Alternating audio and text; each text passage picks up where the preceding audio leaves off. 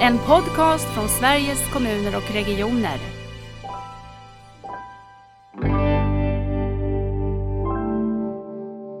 Man räknar med att man inte kommer få den, det bemötande eller den vård som man, som man borde få, även om man är remitterad någonstans. Och det, det som är hemskast av allt tycker jag, det är ju det att här har vi kvinnor och barn som man liksom, man bryr sig inte ens om barnen fast vi har barnkonvention. Så att eh, de får, lika, de får nej de också. Välkommen till det 108 avsnittet av Nära vårdpodden. Idag kommer vi få möta två kvinnliga förebilder.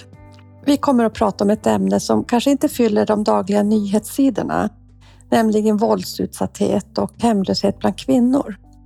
Vi kommer att prata om hur vården behöver samordnas och om samskapad forskning på riktigt. Så välkomna till Nära vårdpodden Elisabeth Mattsson. Du är professor i vårdvetenskap vid Marie Cederschiölds högskola och Klara Essemyr som är psykolog vid Pelarbacken Vård för hemlösa, Capio. Ja, tack. Väldigt roligt att ha er här.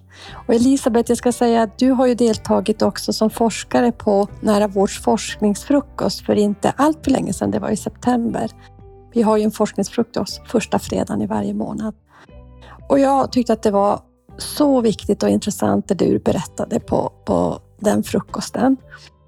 Eh, men berätta för oss som lyssnar på podden nu, vem är du?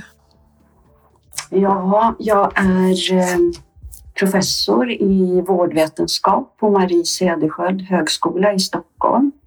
Vi utbildar sjuksköterskor eh, och ja, även socionomer.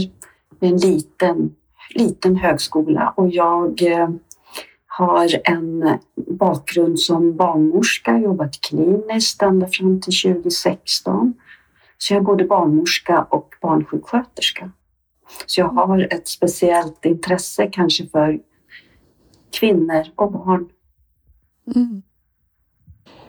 Du kommer ju att prata om din forskning eh, med och för kvinnor som är hemlösa, men det är ju inte där du disputerar. Du har haft en helt annan inriktning på, på din tidigare forskningsgärning och ditt arbete. Berätta mer.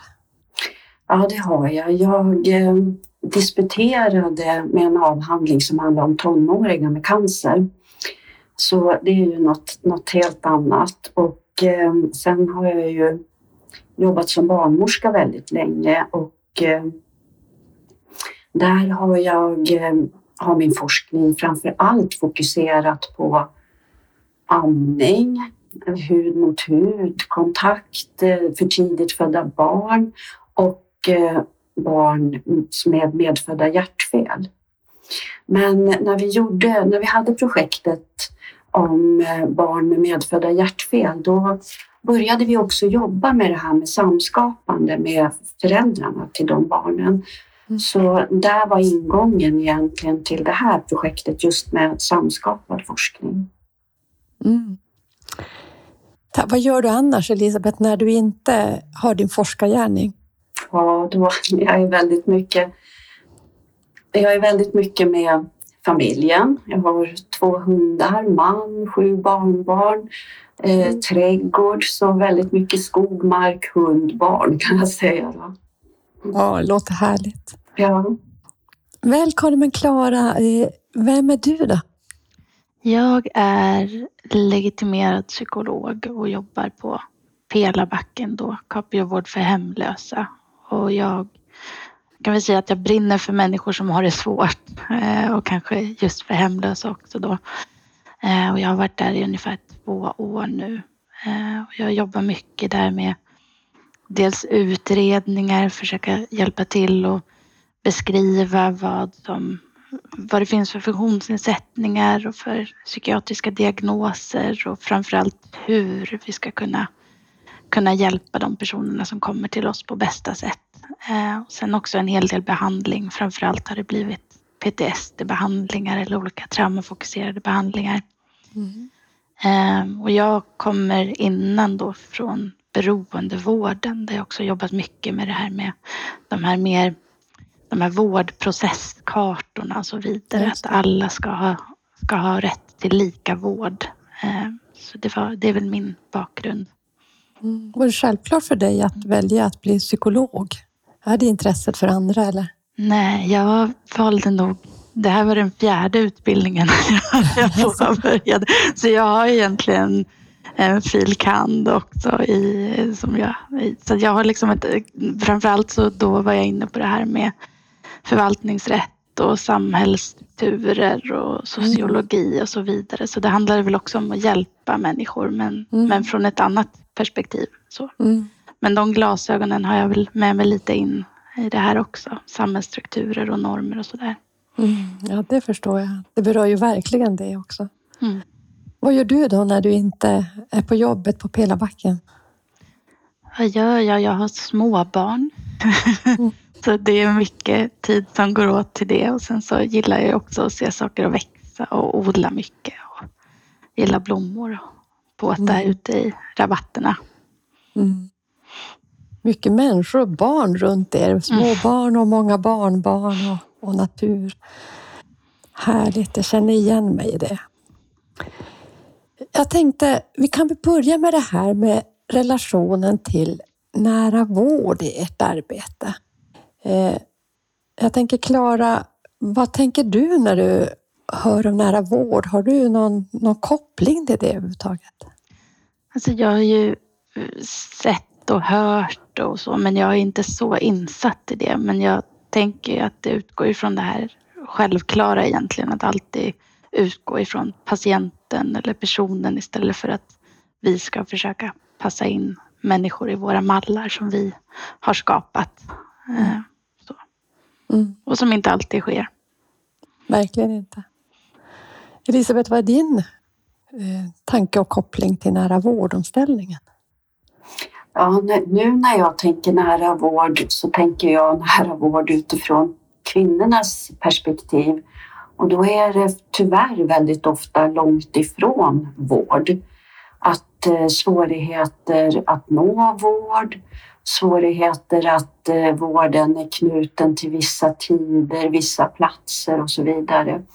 Och det här gör att eh, personer i hemlöshet väldigt ofta söker vård akut när det verkligen är livshotande, när man inte klarar sig längre. Då, så nära vård, vård för dem, de skulle nog skratta om jag sa vad är nära vård? För det, nära vård finns inte för de här kvinnorna. Nej. Jag tänker när jag eh, eh, tänker på ert arbete så tänker jag att det är ett fantastiskt exempel, eller fantastiska exempel på, på nära vård. Vi brukar om, eh, sammanfatta omställningen så det blir mer personcentrerat, det blir mer proaktivt som du är inne på Elisabeth, hälsofrämjande, mer samordnat och mer samskapat. Och alla det arbete ni gör de uppfyller verkligen de kriterierna. Men jag har också reflekterat över att eh, eh det är inte säkert att själva omställningen till nära vård är det man eh, sätter som etikett på sitt arbete. Men mycket saker som görs idag behöver vi fånga upp i det här arbetet, det som är positivt och lära av det som görs. Er verksamhet på Pelarbacken, din forskning Elisabeth, eller er forskning tillsammans som är så samskapad. För på det sättet får vi också kraft i den här omställningen. Och jag tänker Elisabeth, du har ju beskrivits, jag läste första gången om dig i Vårdfokus och då beskrevs du som forskaren som klev ut i verkligheten. Eh, kan inte du berätta om det här med jämlik vård för kvinnor i hemlöshet och om samverkansforskningen och vad du egentligen håller på med? Ja, eh, jag, egentligen så var det så här att jag fick det här, jag fick ett uppdrag och det kom egentligen ifrån vården direkt. Eh, på den tiden, det var, det var innan Capio vann upphandlingen i Stockholms eh, län eller region om, eh, om vården av hemlösa. Då, då hade nämligen Ersta diakoni den.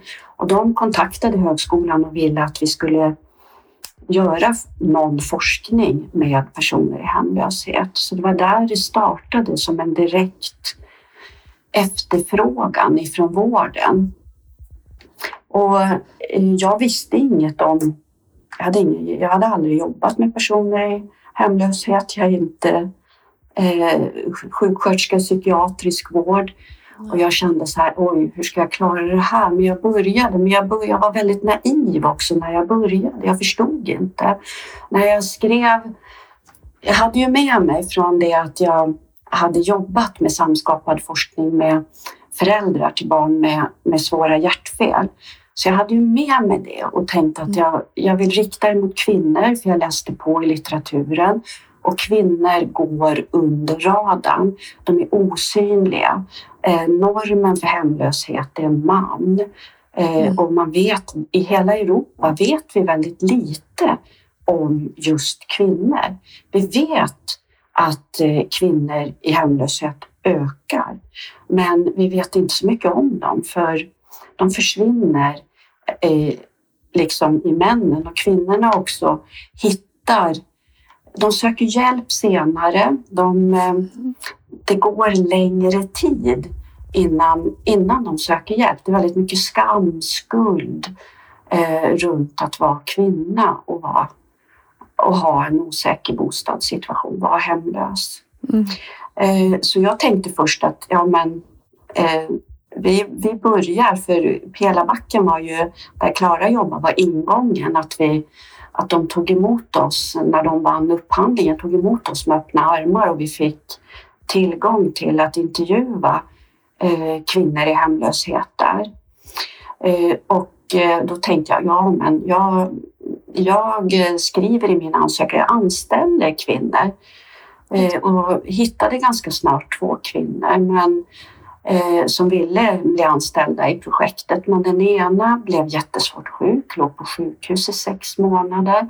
Den andra fick ett återfall och eh, ja, var jättedålig i det. Så jag tänkte att jag måste bygga den här. Det går inte att bygga på samma sätt som jag har gjort med, med föräldrarna till hjärtbarn. Jag måste bygga det på ett mer flexibelt sätt. Och i och med det så startade vi att, jag timman, att, jag att vi timma, har dem som timanställda eh, på högskolan. Så vi har två grupper som går parallellt. En som går eh, genom Ersta möjlighet som är ett skyddat boende med den högsta säkerhetsklassen eh, i, i landet. Och där, där bor kvinnor som är våldsutsatta för väldigt, väldigt grovt våld eh, alla har skyddad identitet. De eh, eh, har oftast beroendeproblematik också. Och eh, där började vi med en grupp. Och båda var, vi, var, vi, eh, vi började från scratch liksom där. Och sen eh, har vi jobbat, ja, nu har vi jobbat i två och ett halvt år med det här och vi har just nu har vi två grupper som går. En som går på Ersta, Ersta möjlighet. Då. Mm. Samma tid, samma plats. Eh, och sen har vi ytterligare en grupp då eftersom eh, när kvinnorna flyttade från Ersta möjlighet kunde de inte längre vara kvar i forskningsprojektet eftersom det är så hög Eh, skyddsklass. Så att nya, om, nya kvinnors identitet riskerade att bli eh, avslöjad. Så att eh, det, liksom, flyttar man från Ersta möjlighet så måste man sluta på projektet. Och då fick vi hjälp av en civilsamhällsorganisation i Stockholm, Convictus, och starta en ny kvinnogrupp. Så, och den har nu pågått i ett år, lite drygt ett år, eh, som vi också kör en gång i veckan. Och idag så har vi, eh, nu har vi alltså sju, åtta nio. Vi har nio kvinnor. Tio har vi faktiskt anställda på timbasis i projektet. Mm. Eh, och det är så man måste bygga det för de eh, eh, vi är på plats precis samma tid, samma plats. Kvinnorna har bestämt att vi träffas två timmar. Det är vad man orkar, vad, vad de känner att de orkar ha fokus på. Och eh, man, man kommer och man orkar och man kan. Eh, och eh, man får betalt den tid som man är där. Så kommer man inte så är det ingen av oss som frågar vad var du förra, förra torsdagen utan vi, vi tar varmt emot dem. Vi tar varje bidrag som de har att ge är, är så himla värdefullt för projektet. Mm. Så vi Vad, vad väldigt- projektet?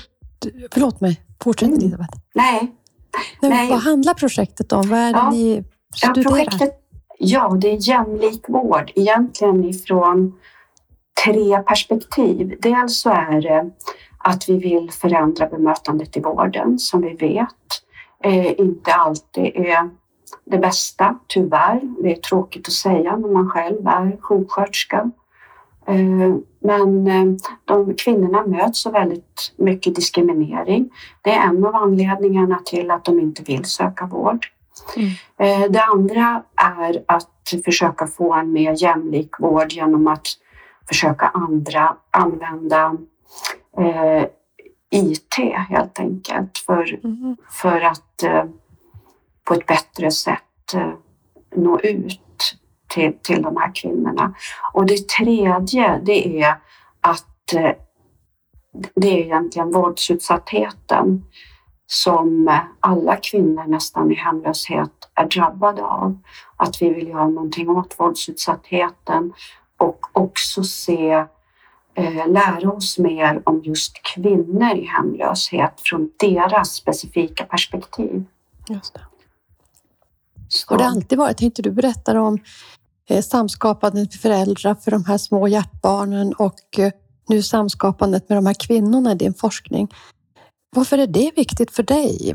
Har det bara varit självklart? För det är ju inte den vanliga normen att samskapa sin forskning och ha forskningsassistenter som också själv eh, har erfarenhet av en svårighet eller en ohälsa eller en utsatthet. Nej, det, det, jag tror om man skulle titta i ett internationellt perspektiv så är nog projektet unikt just att vi har hållit i grupperna så länge. Jaha, det är en kvinna som har varit med sedan start och det är ytterligare en, en kvinna som har, ja egentligen är de faktiskt de sju, de är åt, åtta kvinnor som har varit med ett år och ytterligare en som har varit med i ett och ett halvt år. Ja, så att Eh, det det här är, det är nog unikt eh, Mm. internationellt sett. Mm. Eh, men det är viktigt för att, vår, för att eh, om vi inte samskapar då vet vi inte då vet vi inte vad, vad som är viktigt för gruppen som vi studerar. Vi måste utgå. Det är väl det som är nära vård. Att vi ska försöka rikta forskningen mot det, det som gruppen vi, vi, vi vill göra någonting för tycker är viktigt. Mm. Ja, verkligen. Det var det som också var så starkt när jag lyssnade på det på den här forskarfrukosten, att verkligen se och känna det, för det är det den här omställningen i grunden handlar om, det här skiftet i perspektiv.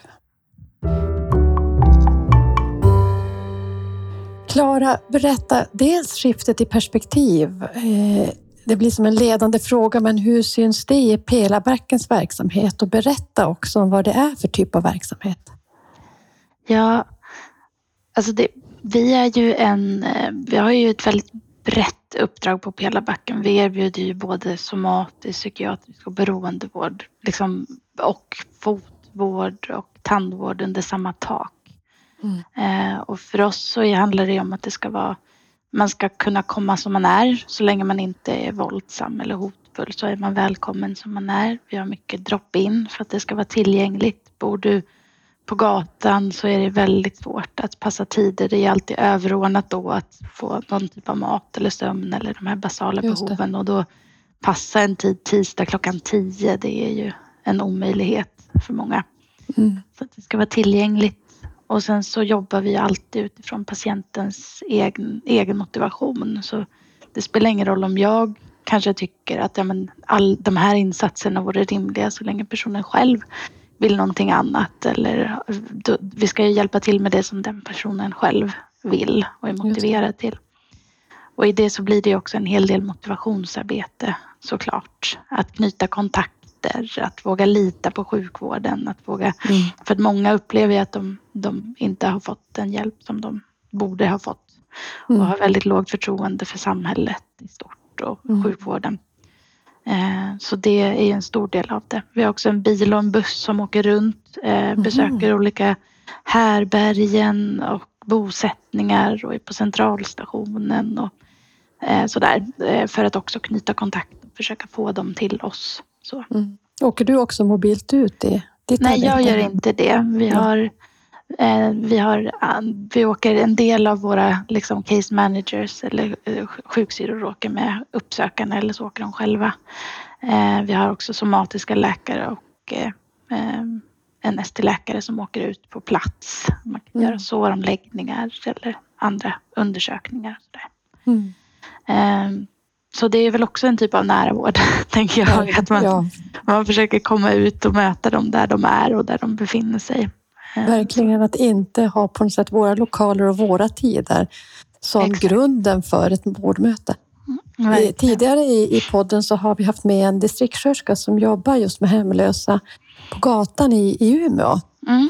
Och när jag hör om, om Pelabacken så tänker jag att det var nästan det hon drömde om, att det också fanns något ställe där man kunde ha den här samordningen av olika insatser.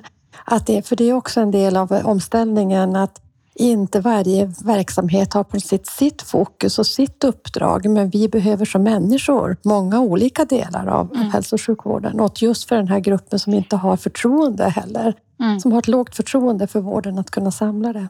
Verkligen.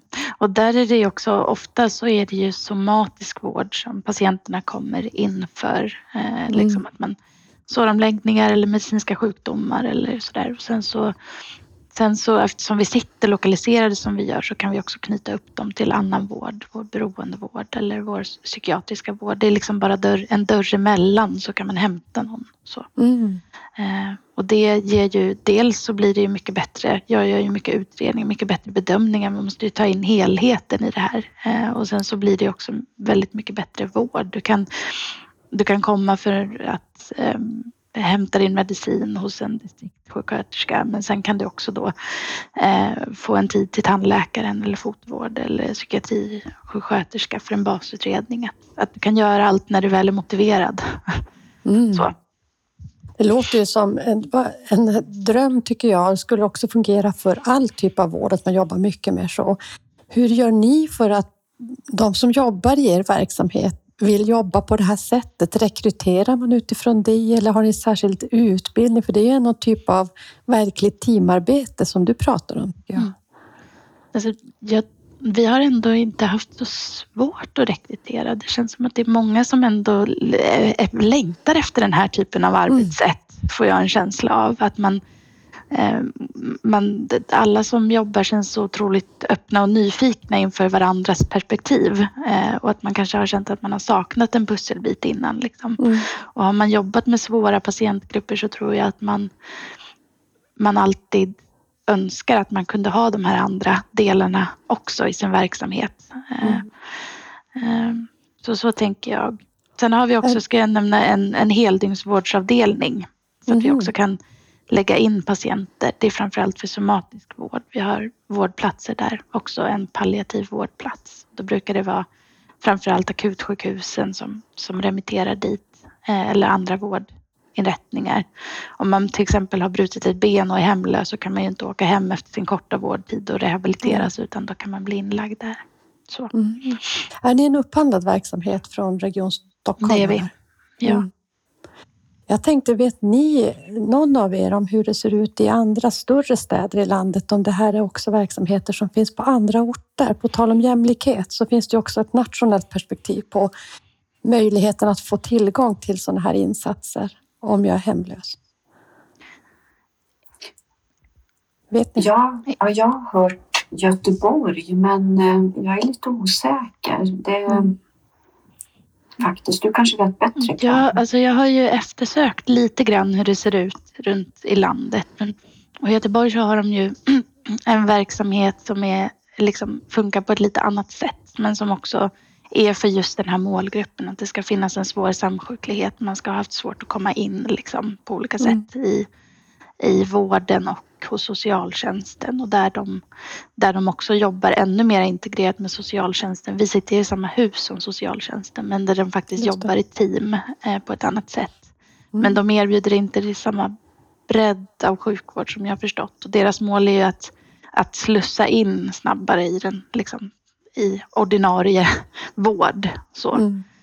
Eh, jag tänker när du säger samsjuklighet att en annan koppling till det arbete ni gör och nära vård är ju samsjuklighetsutredningen som ändå har tittat på det här att kunna ur ett mer strukturperspektiv samordna insatser både från socialtjänst och hälso och sjukvård. Och det hoppas vi att det ska hända något med den utredningen och att det läggs också lagstiftningsförslag på det här området. Mm. Eh, och där har vi varit väldigt aktiva i vårt hälsolabb för att få kommuner och regioner att, att fundera och tänka på hur man ska kunna göra det här på andra sätt. Mm. Jag tänker, ni har ju också en koppling till varandra på det sättet att Pelabacken också är en del av, av eh, forskningen som du och dina medarbetare driver, Elisabeth. Berätta ja. lite grann om kopplingen och hur det ser ut och ja, varför den är viktig. Vi, vi började ju eh, jag hade ju som sagt, jag hade, när jag startade då hade ju inte jag, jag hade ju inga kontakter eh, mer än, en, eh, från början då så var det ju Ersta diakoni som hade den här verksamheten men sen eh, upphandlades ju den. Och ja, jag gjorde ju helt enkelt så att jag eh, gick upp och pratade med den medicinsk ansvarige på Pelabacken, Olle Frisén. Och mm, liksom, vi, vi blev eh, mottagna med väldigt öppna armar som var verkligen dörröppnare för det här projektet. Och eh, vi började med att vi gjorde intervjuer på, ja, vi gjorde dem både på mottagningen och på eh, den slutna vårdavdelningen också. Så vi intervjuade och vi hade också enkäter till kvinnor i hemlöshet. Det var liksom ingången i projektet. Sen har det utvecklats och eh, eh, vi har det här tredje benet som jag pratade om då i, eh, som handlar om våldsutsatthet för kvinnor i hemlöshet. Och det, nu ska man säga att det är inte bara kvinnor som är utsatta för våld utan männen är ju, eh, som lever i hemlöshet är också eh, väldigt utsatta för våld också naturligtvis. Men vårt projekt nu riktar sig ju till kvinnor då. Men då har jag också en medarbetare från högskolan arbetat väldigt nära. För Pelabacken i sin tur fick pengar ifrån regionen för att börja screena för våldsutsatthet bland mm. alla patienter. Och då blev det en koppling också till kvinnorna i eh, i projektet som jobbar som forskningsassistenter för då fick de i uppdrag i sin tur att ta fram bilder som man skulle kunna använda i väntrum. Man satte upp på toaletter, i korridorer som skulle öppna upp för det här samtalet om våldsutsatthet. Mm. Eh, kvinnorna i, i grupperna, då, forskningsassistenterna, har också varit med i eh, indirekt kan man säga då eftersom de inte, många av dem kan ju inte vara med eftersom live så att säga eftersom de nästan alla lever med skyddad identitet. Men de har varit med och tagit fram utbildningsmaterial, patientfall som mm. man sen har tagit upp med, med eh, personalen på Pelabacken och på vårdavdelningen. Eh, så att kopplingen är väldigt, den är väldigt nära. Och nu går vi, går vi vidare där eh, Pelabacken och vårdavdelningen och personalen har bestämt att eh, man ska försöka utveckla samordnad individuell plan vidare. Mm. Och det är något som kvinnorna i, i grupperna också har identifierat som ja, en nyckelfaktor för att kunna samordna, just få det här nära vård. Det handlar ju inte heller om bara vård utan man måste koppla ihop det med socialtjänsten också. Mm. För oss har det också varit så oerhört värdefullt det här med att ha med liksom, det, för det här projektet skapades ju och vi visste ju att patienterna var våldsutsatta i hög grad men det var ingenting som kom upp så ofta. Det var liksom inget fokus riktigt så då när det här projektet startades så dels så liksom var det mycket kompetenshöjande insatser för hela personalgruppen. Hur frågar man? Vad gör vi? Mm. Hur, vad har vi för strukturer och rutiner vid våldsutsatthet? Hur dokumenterar man?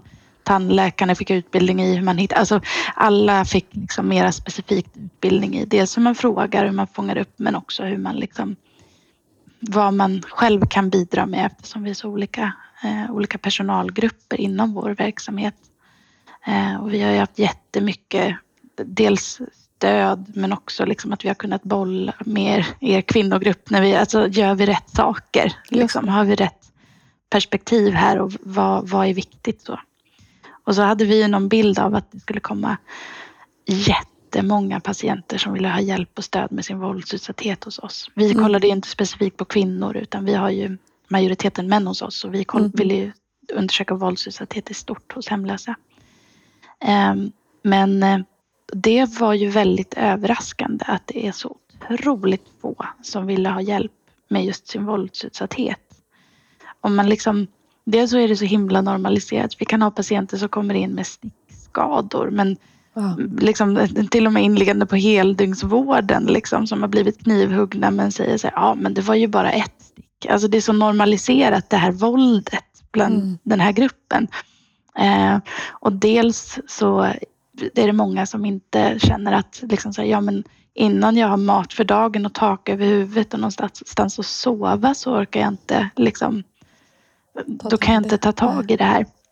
Och det var ju så vi kom in på det här med samverkansprojektet. Att vi, vi måste, det, det är ofta där det brister. Vi har ju helt olika uppdrag, socialtjänsten och vården. Vi har helt olika lagrum som vi som liksom går efter.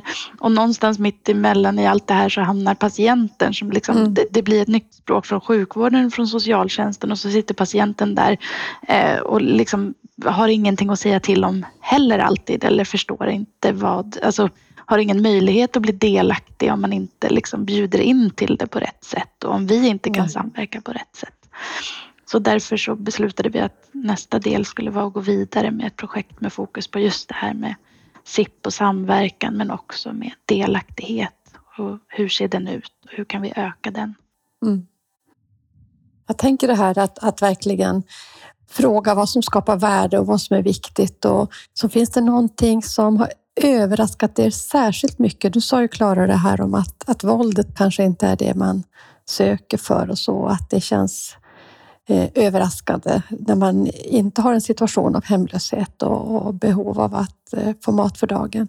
Mm. Finns det andra saker som ni bär med er som ni tänker att det här har verkligen lärt mig av att vända på perspektivet och utgå från ja, kvinnorna eller de, de personer som är hemlösa som du möter, Klara? Alltså jag tänker rent de här rent nästan Kafka-liknande situationerna som patienterna hamnar i. Säg att du har du är våldsutsatt, du har flytt, du kommer någon annanstans men du får ingen du får inget boende, du får ingen traumabehandling för att du har ett beroende men du får ingen beroendevård för att du inte har någonstans att bo och du får ingenstans att bo. För, alltså det, det är liksom, du kommer aldrig ur, du kommer aldrig in någonstans eh, för att du är för sjuk. Mm. Eh, Och det tror jag inte att jag hade förväntat mig innan jag började jobba med den här målgruppen, att det ser ut Nej. så i Sverige idag. Men det tänker man inte i vårt välfärdsland på något sätt, att de så mest utsatta heller inte kan få hjälp för vi har ett system som är byggt på något helt annat. Mm. Tänk Elisabeth, vad har de här kvinnorna som du har som forskningsassistent och dina kollegor lärt dig mest, tänker du? Ja, jag tänker nu specifikt på en sak och det är just det här att vi faktiskt har, vi har lagrum men, men lagar används inte. Eh, det är liksom flera kvinnor under årets lopp som har sagt så här, de har pratat om 2.8 ansökningar. Jag har ingen aning, vad, vad är det liksom 2.8? Mm. Ja, det är en, ett lagutrymme i socialtjänstlagen som, som säger att om man är våldsutsatt så, och inte kan vara kvar i sin hemkommun, då kan man med hjälp av den här lagen söka boende och stöd i annan kommun. Eh, Men eh, när kvinnorna pratade om det här så pratade de om det här, alltså på grupperna då, våra forskningsassistenter pratade de om det här med väldig förtvivlan. Att eh, det här funkar inte, jag har, jag har skickat 20 ansökningar, jag har fått svar ifrån fem och jag har nekats av alla. Skickat ansökningar till 20 andra kommuner. Eh, och eh, det här gjorde att vi nu gör en studie om det här. Så nu har kvinnorna, och det här, det här är ju inget jag har hittat på utan det här är direkt utifrån eh, deras verklighet och det här ser de att det här finns ett behov av att veta mer om. Så de har, eh, eller vi har tillsammans skickat ut till landets 290 kommuner en fråga där vi begär ut statistik för hur många kvinnor har med liksom åberopat det här lagutrymmet och sökt boende på grund av våldsutsatthet i annan kommun.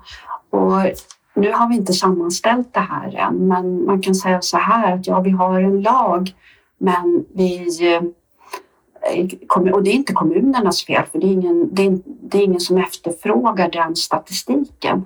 Så mm. ingen vet hur den här lagen funkar i praktiken. Men eh, uppenbarligen så funkar den ju inte. Nej. Och det, det som är hemskast av allt tycker jag, det är ju det att här har vi kvinnor och barn som man liksom man bryr sig inte ens om barnen fast vi har barnkonvention så att eh, de får, lika, de får nej de också. Mm.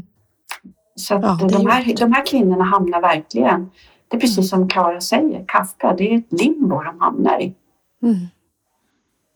Jag tänker också där vi, vi, vi tar ju emot patienter från hela Sverige. De, mm. de behöver ju inte vara skriv, de är inte skrivna någonstans oftast. Så de, vi tar ju emot alla som kommer till oss som är hemlösa oavsett var de kommer ifrån i Sverige. Um, men, och, så vi behöver ju samarbeta med liksom alla olika kommuner egentligen. Och det blir så tydligt för oss också att det är så oerhört olika hur olika socialtjänster arbetar och bedömer och sådär. Så det blir ju ganska rättsosäkert på det sättet mm. hur, hur bedömningarna görs. Mm. Eh, och just den här gruppen skyddade kvinnor också som liksom är på flykt och inte heller det är svårt överhuvudtaget att skicka in papper eller komma i kontakt med eller hur de ska få sin post. Eller, de blir också extra utsatta i det här. Eh. Det förstår man verkligen. Det vet jag att Lena berättade i podden, eh, hon som jobbade i Umeå. Hon berättade just det här med att tror att ni också har sagt det någon gång, det här med att vi tänker så självklart på mobiltelefonen som kontaktvägen. Men hon berättade ju så tydligt att ja, man kanske delar en, eller inte har en mobiltelefon. Då ska man följa sin, eh, någon, någon annan som eh, bor kanske hemlös hela dagen för att vården ska ringa upp på en viss tid. Mm. Alltså att det, vi kan inte tänka de vanliga kommunikationsvägarna. Och visst hade du Elisabeth något sådant exempel kring när du tänkte ungefär lika som, som både jag skulle kunna tänka att... Ja, jag tänkte också så när jag, när jag började men fick ganska så snabbt klart för mig att mobiltelefoner det är, det är liksom hårdvaluta på gatan också. Man, och kvinnor blir rånade. Så jag hade någon kvinna, hon hade blivit av med sex mobiltelefoner på en månad. Mm. Oj, oj. Ja. ja. Så att eh, det, det är ja, det där, är, det där är ju ett jätteproblem hur man ska mm. komma till rätta. Mm. Alltså hur, man, hur, ska man, hur ska man nå dem och hur ska man, eh, hur ska man hålla kvar dem framför allt också? Och där tror jag att när vi har som vi har idag en väldigt fragmenterad vård eh, för personer som är väldigt multisjuka som det ska man ut till Huddinge, sen ska man till Södersjukhuset och så ska man hit och dit. På något vis måste vi hålla ihop vårdkedjan och vi måste hålla mm. ihop vårdkedjan och socialtjänsten. Alltså mm. vi måste samarbeta och där har jag stora förhoppningar med multisjuklighets, eh, samsjuklighetsutredningen. Mm. Att den ska kunna ge resultat på sikt. Jag tänker att det handlar så otroligt mycket också om kultur och vilja att göra det här, för vi kommer ju måste jobba på helt andra sätt. Och då tycker jag det är härligt, Klara, att höra dig berätta att, att du ändå känner att de som väljer att komma till er, det är inte svårt att rekrytera för det finns någonting också i det här eh, som jag tycker att jag möter när jag är ute och pratar om den här omställningen.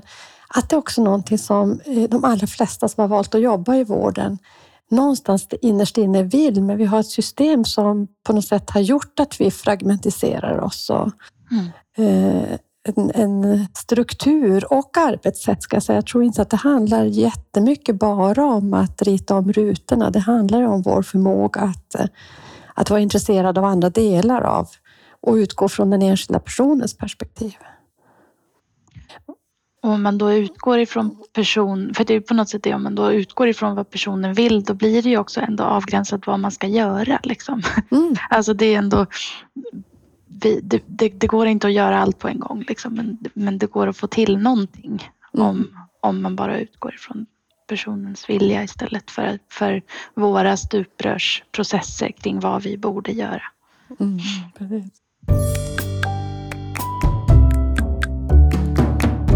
Jag tänker, det kan man ofta höra när man pratar om personcentrering, att rädsla. Men frågar vi vad de vill, då kommer vi få så mycket att göra för det finns så. Ska vi inte ha en behovsstyrd vård så tänker vi att vi vet ju behoven och det är vi mm. som därför styr. Hur tänker ni kring det? Hur kan man resonera? För det här är också en väldigt, de ni möter är väldigt utsatta grupper som inte har en stark röst ofta och som eh, och ändå tror ni på personcentreringen upplever jag. Mm.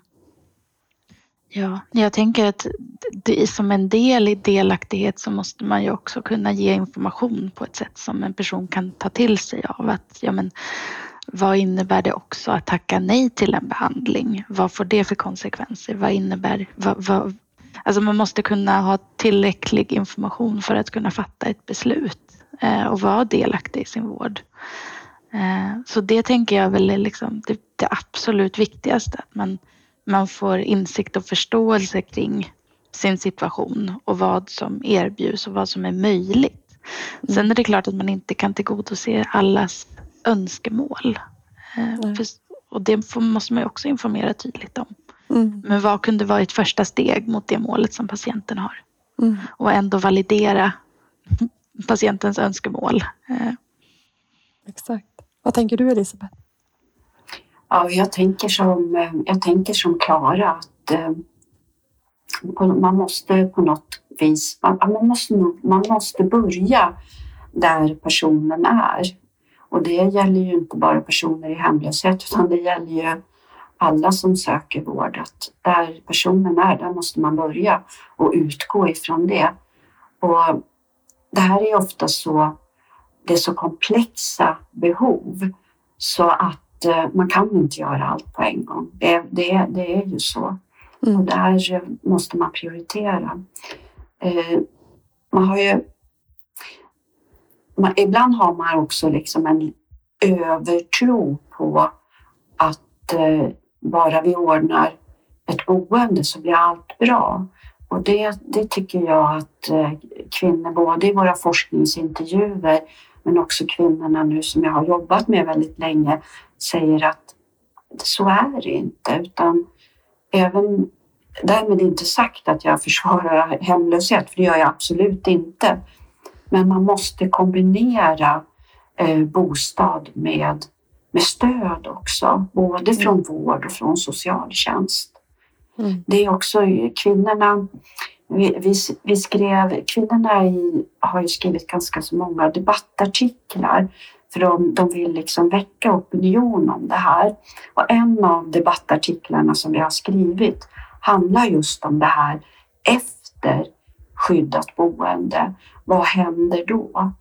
Eh, och eh, där, där eh, är det så att det, det, det är jättesvårt. Har man ett beroende och man sen eh, har varit på ett skyddat boende men ändå med rutiner och så vidare så kommer man då sätts i någon instegslägenhet i bästa fall ska man säga mm. någonstans. Det, det är nästan som gjort att det inte ska gå bra. Om man kombinerar man inte det med ordentligt stöd så, så går det liksom inte. Mm. Och traumabehandlingen är en sån här sak som kvinnorna efterfrågar jättemycket för det blir också som ett limbo, det här att man går med kanske posttraumatiska stresssymptom och så vidare. En del har, har ju till och med utvecklat eh, posttraumatisk stress. Och hur får man liksom hjälp med det här? Ja, man måste, då måste man vara drogfri, man måste ha en stabil vardag. Och hur uppnår man det? Man måste liksom ha stöd till att uppnå det för att kunna ta tillbaka sitt liv helt enkelt. Mm. Det blir den där limbon igen också. Ja, det blir det. Hela, ja, det blir det. Mm. Men och där, ett annat problem där blir också att så här, vi erbjuder ju, vi har ju framförallt akut hemlösa som målgrupp. Så när personen väl får ett mer stabilt boende så ska ju vi liksom remittera vidare och samtidigt så får de ett mm. boende, ska byta socialtjänst eh, för att då har de någonstans att bo. Så då försvinner liksom allt det här samtidigt som, som man är van med.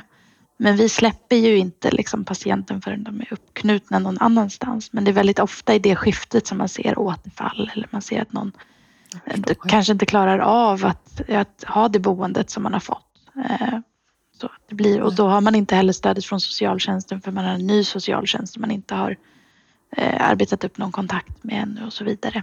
Och för mm. oss kan det också vara att det tar, det var någon som vi skickade 13 remisser på förra året för, som var liksom klar och hade ett boende och allting men ingen vill ta emot patienterna eh, vidare.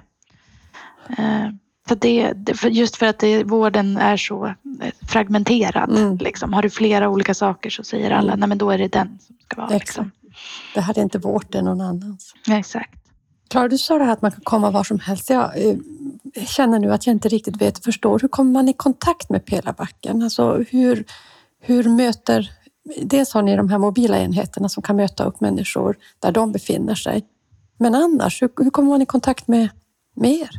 Alltså, vi kan få remisser eh, från andra vårdgivare eller, eller, så kommer man bara till oss. Mm, vi har ju dragit in alla mm. dagar mm. i veckan. Ja. Mm.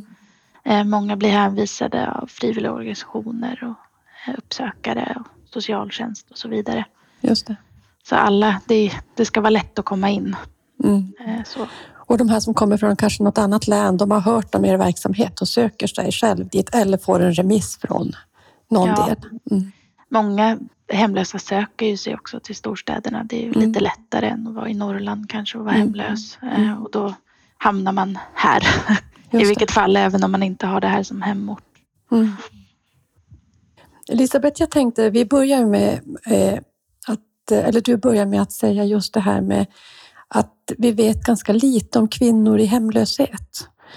Eh, kan inte du berätta lite mer om varför är det på det sättet och varför är det viktigt att eh, eh, vi behöver göra på andra sätt och prata om det här? Ja, dels så är det så att när vi har, när vi, i forskning så eh, har vi oftast lyckats eh, fånga för få kvinnor så att männen blir i majoritet. Så man kan inte göra liksom jämförelser mellan män och kvinnor. Eh, och det, det är en anledning och anledningen till att vi inte fångar kvinnorna det är just det här att de går under radarn. De, kvinnor hittar alltid någonstans, eller är man, till, är man ung ska man säga, eh, hyfsat ung så hittar man alltid någonstans inom situationstecken att sova över. Och det här sova över som en kvinna sa i gruppen, ja då ingår det ju såklart också att ställa upp på att ha sex och städa, sa hon. Så att eh, det, med kvinnor, på så vis hankar sig kvinnor, kvinnor fram. Man sover hos vänner, man, so, man blir utnyttjad på det här viset. Eh, men man, man sö, de söker inte hjälp. Och ofta så är, eh, är skammen och skulden väldigt det är väldigt knutet oftast, ofta till att kvinnorna har barn. Mm. Och att man har supit bort barnen, man har knarkat bort barnen. Det här är, det är, en, det är liksom... Det är en, eh, barnen, det är som ett stort öppet sår typ för, för kvinnorna. Verkligen är det det. Och, och jättesvårt att prata om det här. Och i i vården och också på socialtjänsten, som kvinnorna i alla fall har sagt till mig, så är det så här att de här kvinnorna blir ifråntagna mödraskapet. De, eh, de blir liksom osynliga mödrar för de står liksom som ensamstående för de har inte vårdnaden om barnen. Men barnen är ständigt närvarande. Det här är, ja, det här är jättesvårt för dem. Eh, men den lilla forskning som vi vet, men vi ska vara väldigt klara över att vi egentligen inte vi vet inte hur många kvinnor egentligen som lever i hemlöshet just därför att de går så mycket under radarn. Mm. Men, men det vi vet så vet vi att de dör, de dör för tidigt, ofta av botbara sjukdomar. Eh, de, eh, ja, de, de lever verkligen i samhällets utkant. Jag tyckte du sa mm. någonting på vår forskningsfrukost om ja. ungefär livslängd. Ja, det, ja, det här är data som, där vi har använt eh, beroenderegistret i eh, Region Stockholm och kopplat det till hemlöshet. Nu är det inte här, det här är preliminära siffror, det är inte publicerat än, men det är en publikation på väg in för att bli publicerad. Och då är medellivslängden för kvinnor med beroendeproblematik och hemlöshet, den är 42 år. Jämfört med 84 år tror jag den är för medel, medel, medelsvensken kvinna. Mm. Så det är liksom halverad medellivslängd. Mm. Och det, det är liksom inte, det är inte hemlösheten. Det är också viktigt att säga för eh, data pekar på att det inte det är inte just hemlösheten som gör att medellivslängden blir så låg, utan det är brist på behandling. Att man får inte rätt behandling, man får inte behandling. Ja, det är inte klokt. Det är så chockerande siffror. Mm. Jag tänker att det, ja, det är chockerande siffror. Ja, och det är ju mm. inte värdigt oss, tycker jag, som, som land som pratar så mycket om jämlikhet och ja. vård efter behov och ja. tillgång till vård för alla. Och det är, alltså det är också kvinnornas medellivslängd eh, om man jämför med män i hemlöshet. Nu är det väldigt, man ska aldrig ställa grupper mot varandra, men kvinnornas medellivslängd är lägre än männens. Mm. Och det tror jag också beror på det här att de går under radarn. Mm. Såklart, de får, söker behandling sent. De får kanske inte hjälp med sina botbara mm. sjukdomar. Så. Ja, och vill inte söka behandling för att de... Eh, alltså vi hade en kvinna som kom när det var som halast förra vintern, liksom, det var snorhalt. Och hon ringde liksom. Jag kommer, jag kommer, men jag har, jag har gjort illa benet. Och kommer hon, kan knappt gå. Hon kommer liksom upphalkande. Vi frågar, men herregud, när, när hände det här? Ja, det var liksom en och en halv vecka sedan. Hon sa, men har du sökt vård? Du kan ju ha brutit benet. Nej, aldrig vill inte söka vård för att de blir så dåligt behandlade av vården. Mm. Det är ofta många patienter som mm. också ber om man ska på en undersökning någon annanstans som säger men kan någon följa med mig då för annars så kommer jag inte bli bra behandlad. Att man bara man räknar med att man inte kommer få den, det bemötande eller den vård som man, som man borde få. Eh, även om man är remitterad någonstans. Har ni möjlighet att göra det från er verksamhet? Eller? Nej, nej, det har vi ju inte på det sättet, men ofta kan det finnas, det finns personliga ombud och så där som kan följa med, eller boendestödjare har ju en del eh, via boenden. Mm. Just det. Och jag, och jag, jag tänkte om ni fick, eh, vill du säga någonting Elisabeth? Och jag tänkte bara säga så här, jag tänker att um, det är kvinnornas, det är kvinnornas, jag har funderat jättemycket på det här, men kvinnorna säger ofta till mig så här, ja men Elisabeth, jag hade tur ser du. Jag träffade på den här sköterskan, träffade mm. på den här socialtjänst, som, den här eh, som jobbade på socialtjänsten som hjälpte mig jättemycket med det här. Jag hade tur. Och, men för det mesta har de ju otur.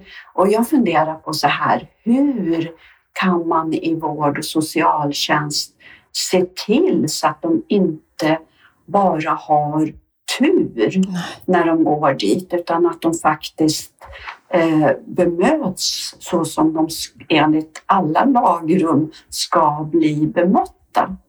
Hur tar vi bort? Hur liksom gör vi så att alla får tur? Det har jag funderat ja. jättemycket mm. Ja, vad är svaret? Vad, vad tänker ni? Vad behöver vi göra? Jobbar jättemycket med frågorna. Vad tänker du Klara? Ja, jag tänker lite grann på det som ni också gör Elisabeth, den här artikeln till exempel som ni har publicerat, Stripped of Dignity, som jag alltid hänvisar till kring det här med att, att faktiskt belysa vad, vad är det att ha tur? Vad innebär ett bra bemötande? Vad är det att ha otur? Liksom. Mm. Att faktiskt visa på de här positiva... Alltså, det, borde, det är inte rocket science bemötande men det borde ju vara en självklarhet men det är inte det och just belysa de här exemplen, att lyfta det här som ni gör, den här medellivslängden. Vad är det då som felar? Hur kommer det sig att det inte blir det? Mm. Men det här är ju en grupp som det, hittills när jag började så frågade jag kring det. Så, men, om liksom, vad, är, vad, vad, har de, det, vad är det för patientgrupp och sådär och då, då fick jag svaret att det är lite som ett svart hål. Det är ingen som riktigt vet. och just ju mer, ju mer man kan visa på det här, ju mer vi vet om den här gruppen, ju, ju, ju större möjlighet har vi också att påverka. Och ett utav, ja, ett utav benen i projektet är också att eh, försöka påverka så att det blir bättre bemötande i vården.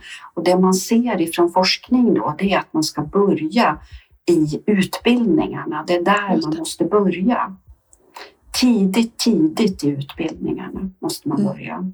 Och det, det är något som vi håller på, en framtida ansökan, just om att försöka påverka i det första hand med sjuksköterskestudenter, men det är ju alla inom vård och, mm. och även omsorg som skulle behöva ha liksom ordentlig utbildning i det här. Mm. mm.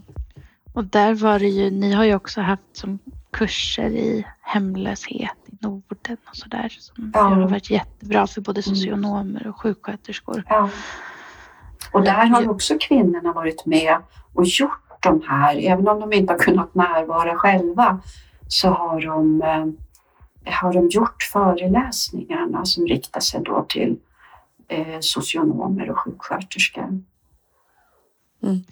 Jag tänker också att man kan koppla det här till arbetet med vårdprocesser inom vården, hur det såg ut. Liksom. Att det grundade sig i att man undersökte liksom 800 patienter i, i Stockholm, liksom, hur de hade kommit in. Och det visade sig att det har ingenting med vad de kommer med att göra, utan det handl då handlade det helt om vilken mottagning och vilken person de träffade, vilken insats de fick. Det var liksom helt personbaserat på det sättet.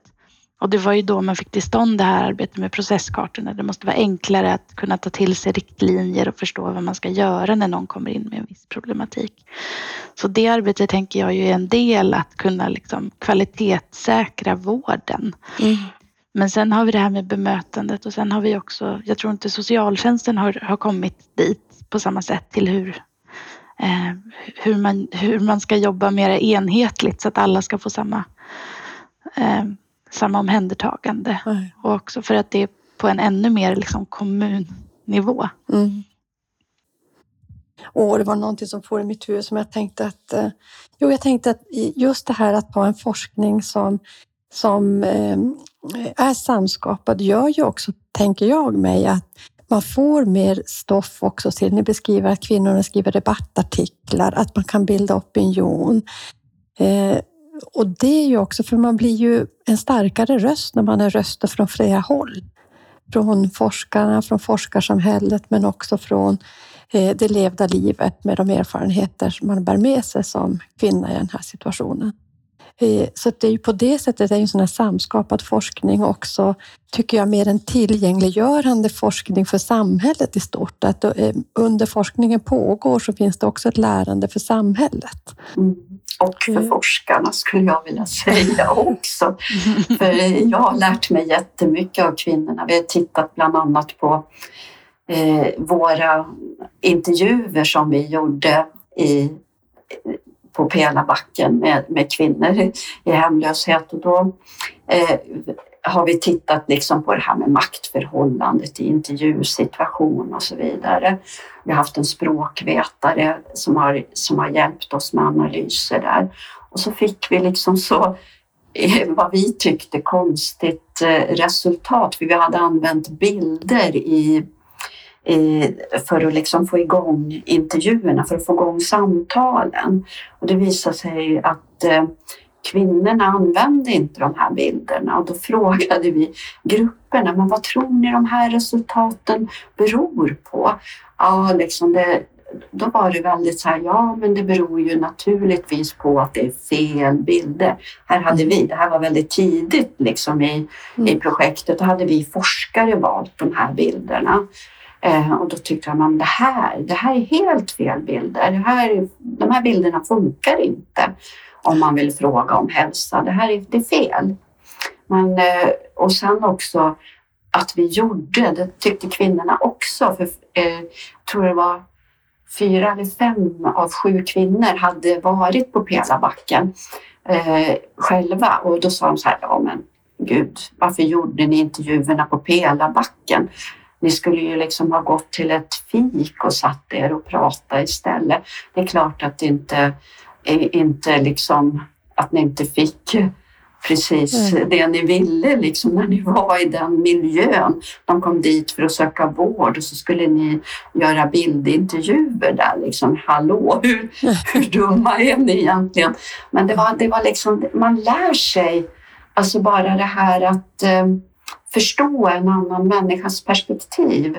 Eh, det är ju också något som, vi gjorde ju aldrig om det här som ni förstår, utan då fick ju, då fick ju kvinnorna välja bilder. Men, men, men eh, det är en lärprocess för, för forskare också. Och hur vi kommer vi rätt liksom. Mm. Det är också intressant utifrån de här bilderna hur för att då fick ju kvinnorna välja ut också bilder som vi skulle ha till våra affischer om det här projektet och hur hur många i personalen tyckte att de här bilderna var för otäcka för att ha på rummen. Liksom, det mm. kunde vara en söndersliten nalle eller en Barbie med ett inslaget huvud och sådär. Liksom, mm. Att det mm. blev alldeles för starkt. Att man inte klarade av att ha det på sitt rum hela dagarna. Sådär. Eh, och sen var det en bild på en sko då som vi satte upp, liksom en, en trasig sko som vi satte upp i väntrummet ensam på en asfaltgång. Liksom. Och det blev också jättefel för då undrade ju alla patienter, de trodde att det skulle stå sko där eller att vi liksom, de kunde få skor. Liksom. Vart är skorna någonstans? att liksom, det är inte så himla lätt det där med, det, med det bild. bildspråket. Så tänker jag också på de där bilderna som du beskriver nu, att det var en bild som många tyckte av de där kvinnorna tyckte var hälsa som blev så slående för mig. Att det var två kvinnor som satt på ett café och fikade. Att den valde väldigt många ut. För att kunna, att så här, kunna sitta ner och ta en fika och veta att man kunde gå hem någonstans. Mm. Att det liksom var hälsa. Det är hälsa. Ja. ja. Mm. Det vanliga, ja precis. Ja, det vanliga. Mm. Vi, vi, brukar använda ett citat för att visa på hälsa som bredare som kommer från en tysk filosof som är att hälsa är att i glädje ta sig an sina livsuppgifter och då kan ju livsuppgiften vara bara där, att kunna få sitta på kaféet. Det är olika, i olika hos olika människor i olika skeden av livet och, mm. men det som är vardagen egentligen. Mm. Hörrni, vi sa så här innan, vi ska inte vi ska ta en jättelång intervju och jag vill inte sluta prata. Det är så otroligt viktigt och intressant. Men nu har vi pratat mer än en timme, så jag tänker ändå att vi ska avrunda. Men jag skulle vilja, om ni fick skicka med något till beslutsfattare. Eh, vad vill ni skicka med då? Klara, vad vill du skicka med? Ja, men jag tänker på samsjuklighetsutredningen och att det finns väldigt många bra saker i den som hade kunnat leda till en jättestor förändring för de här marginaliserade människorna. Mm. Eh, och, att det är en sån, just det som Elisabeth beskriver med den här höga dödligheten och att det inte är värdigt Sverige att det ska se ut så här idag. Nej. Vi kan bättre. Lagstifta samsjuklighetsutredningen helt mm. enkelt. Elisabeth, vad vill du skicka med? Jag håller med Klara. Jag, jag säger också att eh, genomför förslagen i samsjuklighetsutredningen och eh, också att vi kanske måste börja tänka annorlunda i vården. Att, jag menar, jag tänker på Eh, sjuksköterskornas etiska kod, internationella etiska kod, är uppdaterad nu. Och där är det nu ett väldigt fokus på att vi måste försöka rikta hälso och sjukvården mot marginaliserade grupper. Mm. Det är de som behöver den allra mest och det är där vi kan göra vin- hälsovinster faktiskt. Mm. Vi, jag håller med Klara, vi kan bättre. Mm. Vi kan bättre. Mm. Eh, vad är nu nära för er? Elisabeth, vad är nära för dig? Ja, nära för mig är... Så jag vet inte, jag, igår, man det går ju så här eh, upp och ner i, eh, i forskningen. Men igår när vi var på den här, vi var på bio igår med gruppen och så såg vi eh, Utan skyddsnäts film som handlar om kvinnor i, i prostitution och våldsutsatthet. Och då tänkte jag det att eh, eh normalt skulle jag säga familjen och barnbarn och allt, och mannen och allt det här. Men för mig var nog just nu, igår och idag, så var nära att vara nära de här kvinnorna och få följa, och få följa dem, att få vara deras arbetskamrat och följa deras livsresa som både forskare och medmänniska. Tack. Vad, var vad är nära för dig, Klara? Men jag tänker att det handlar om, om möten mellan människor när det är lätt att nå fram och där det finns en trygghet och ärlighet. Mm. Det är nära. Det är nära. Stort varmt tack för att ni var med i Nära vårdpodden. Jättevärdefullt. Tack för att vi fick vara med. Mm.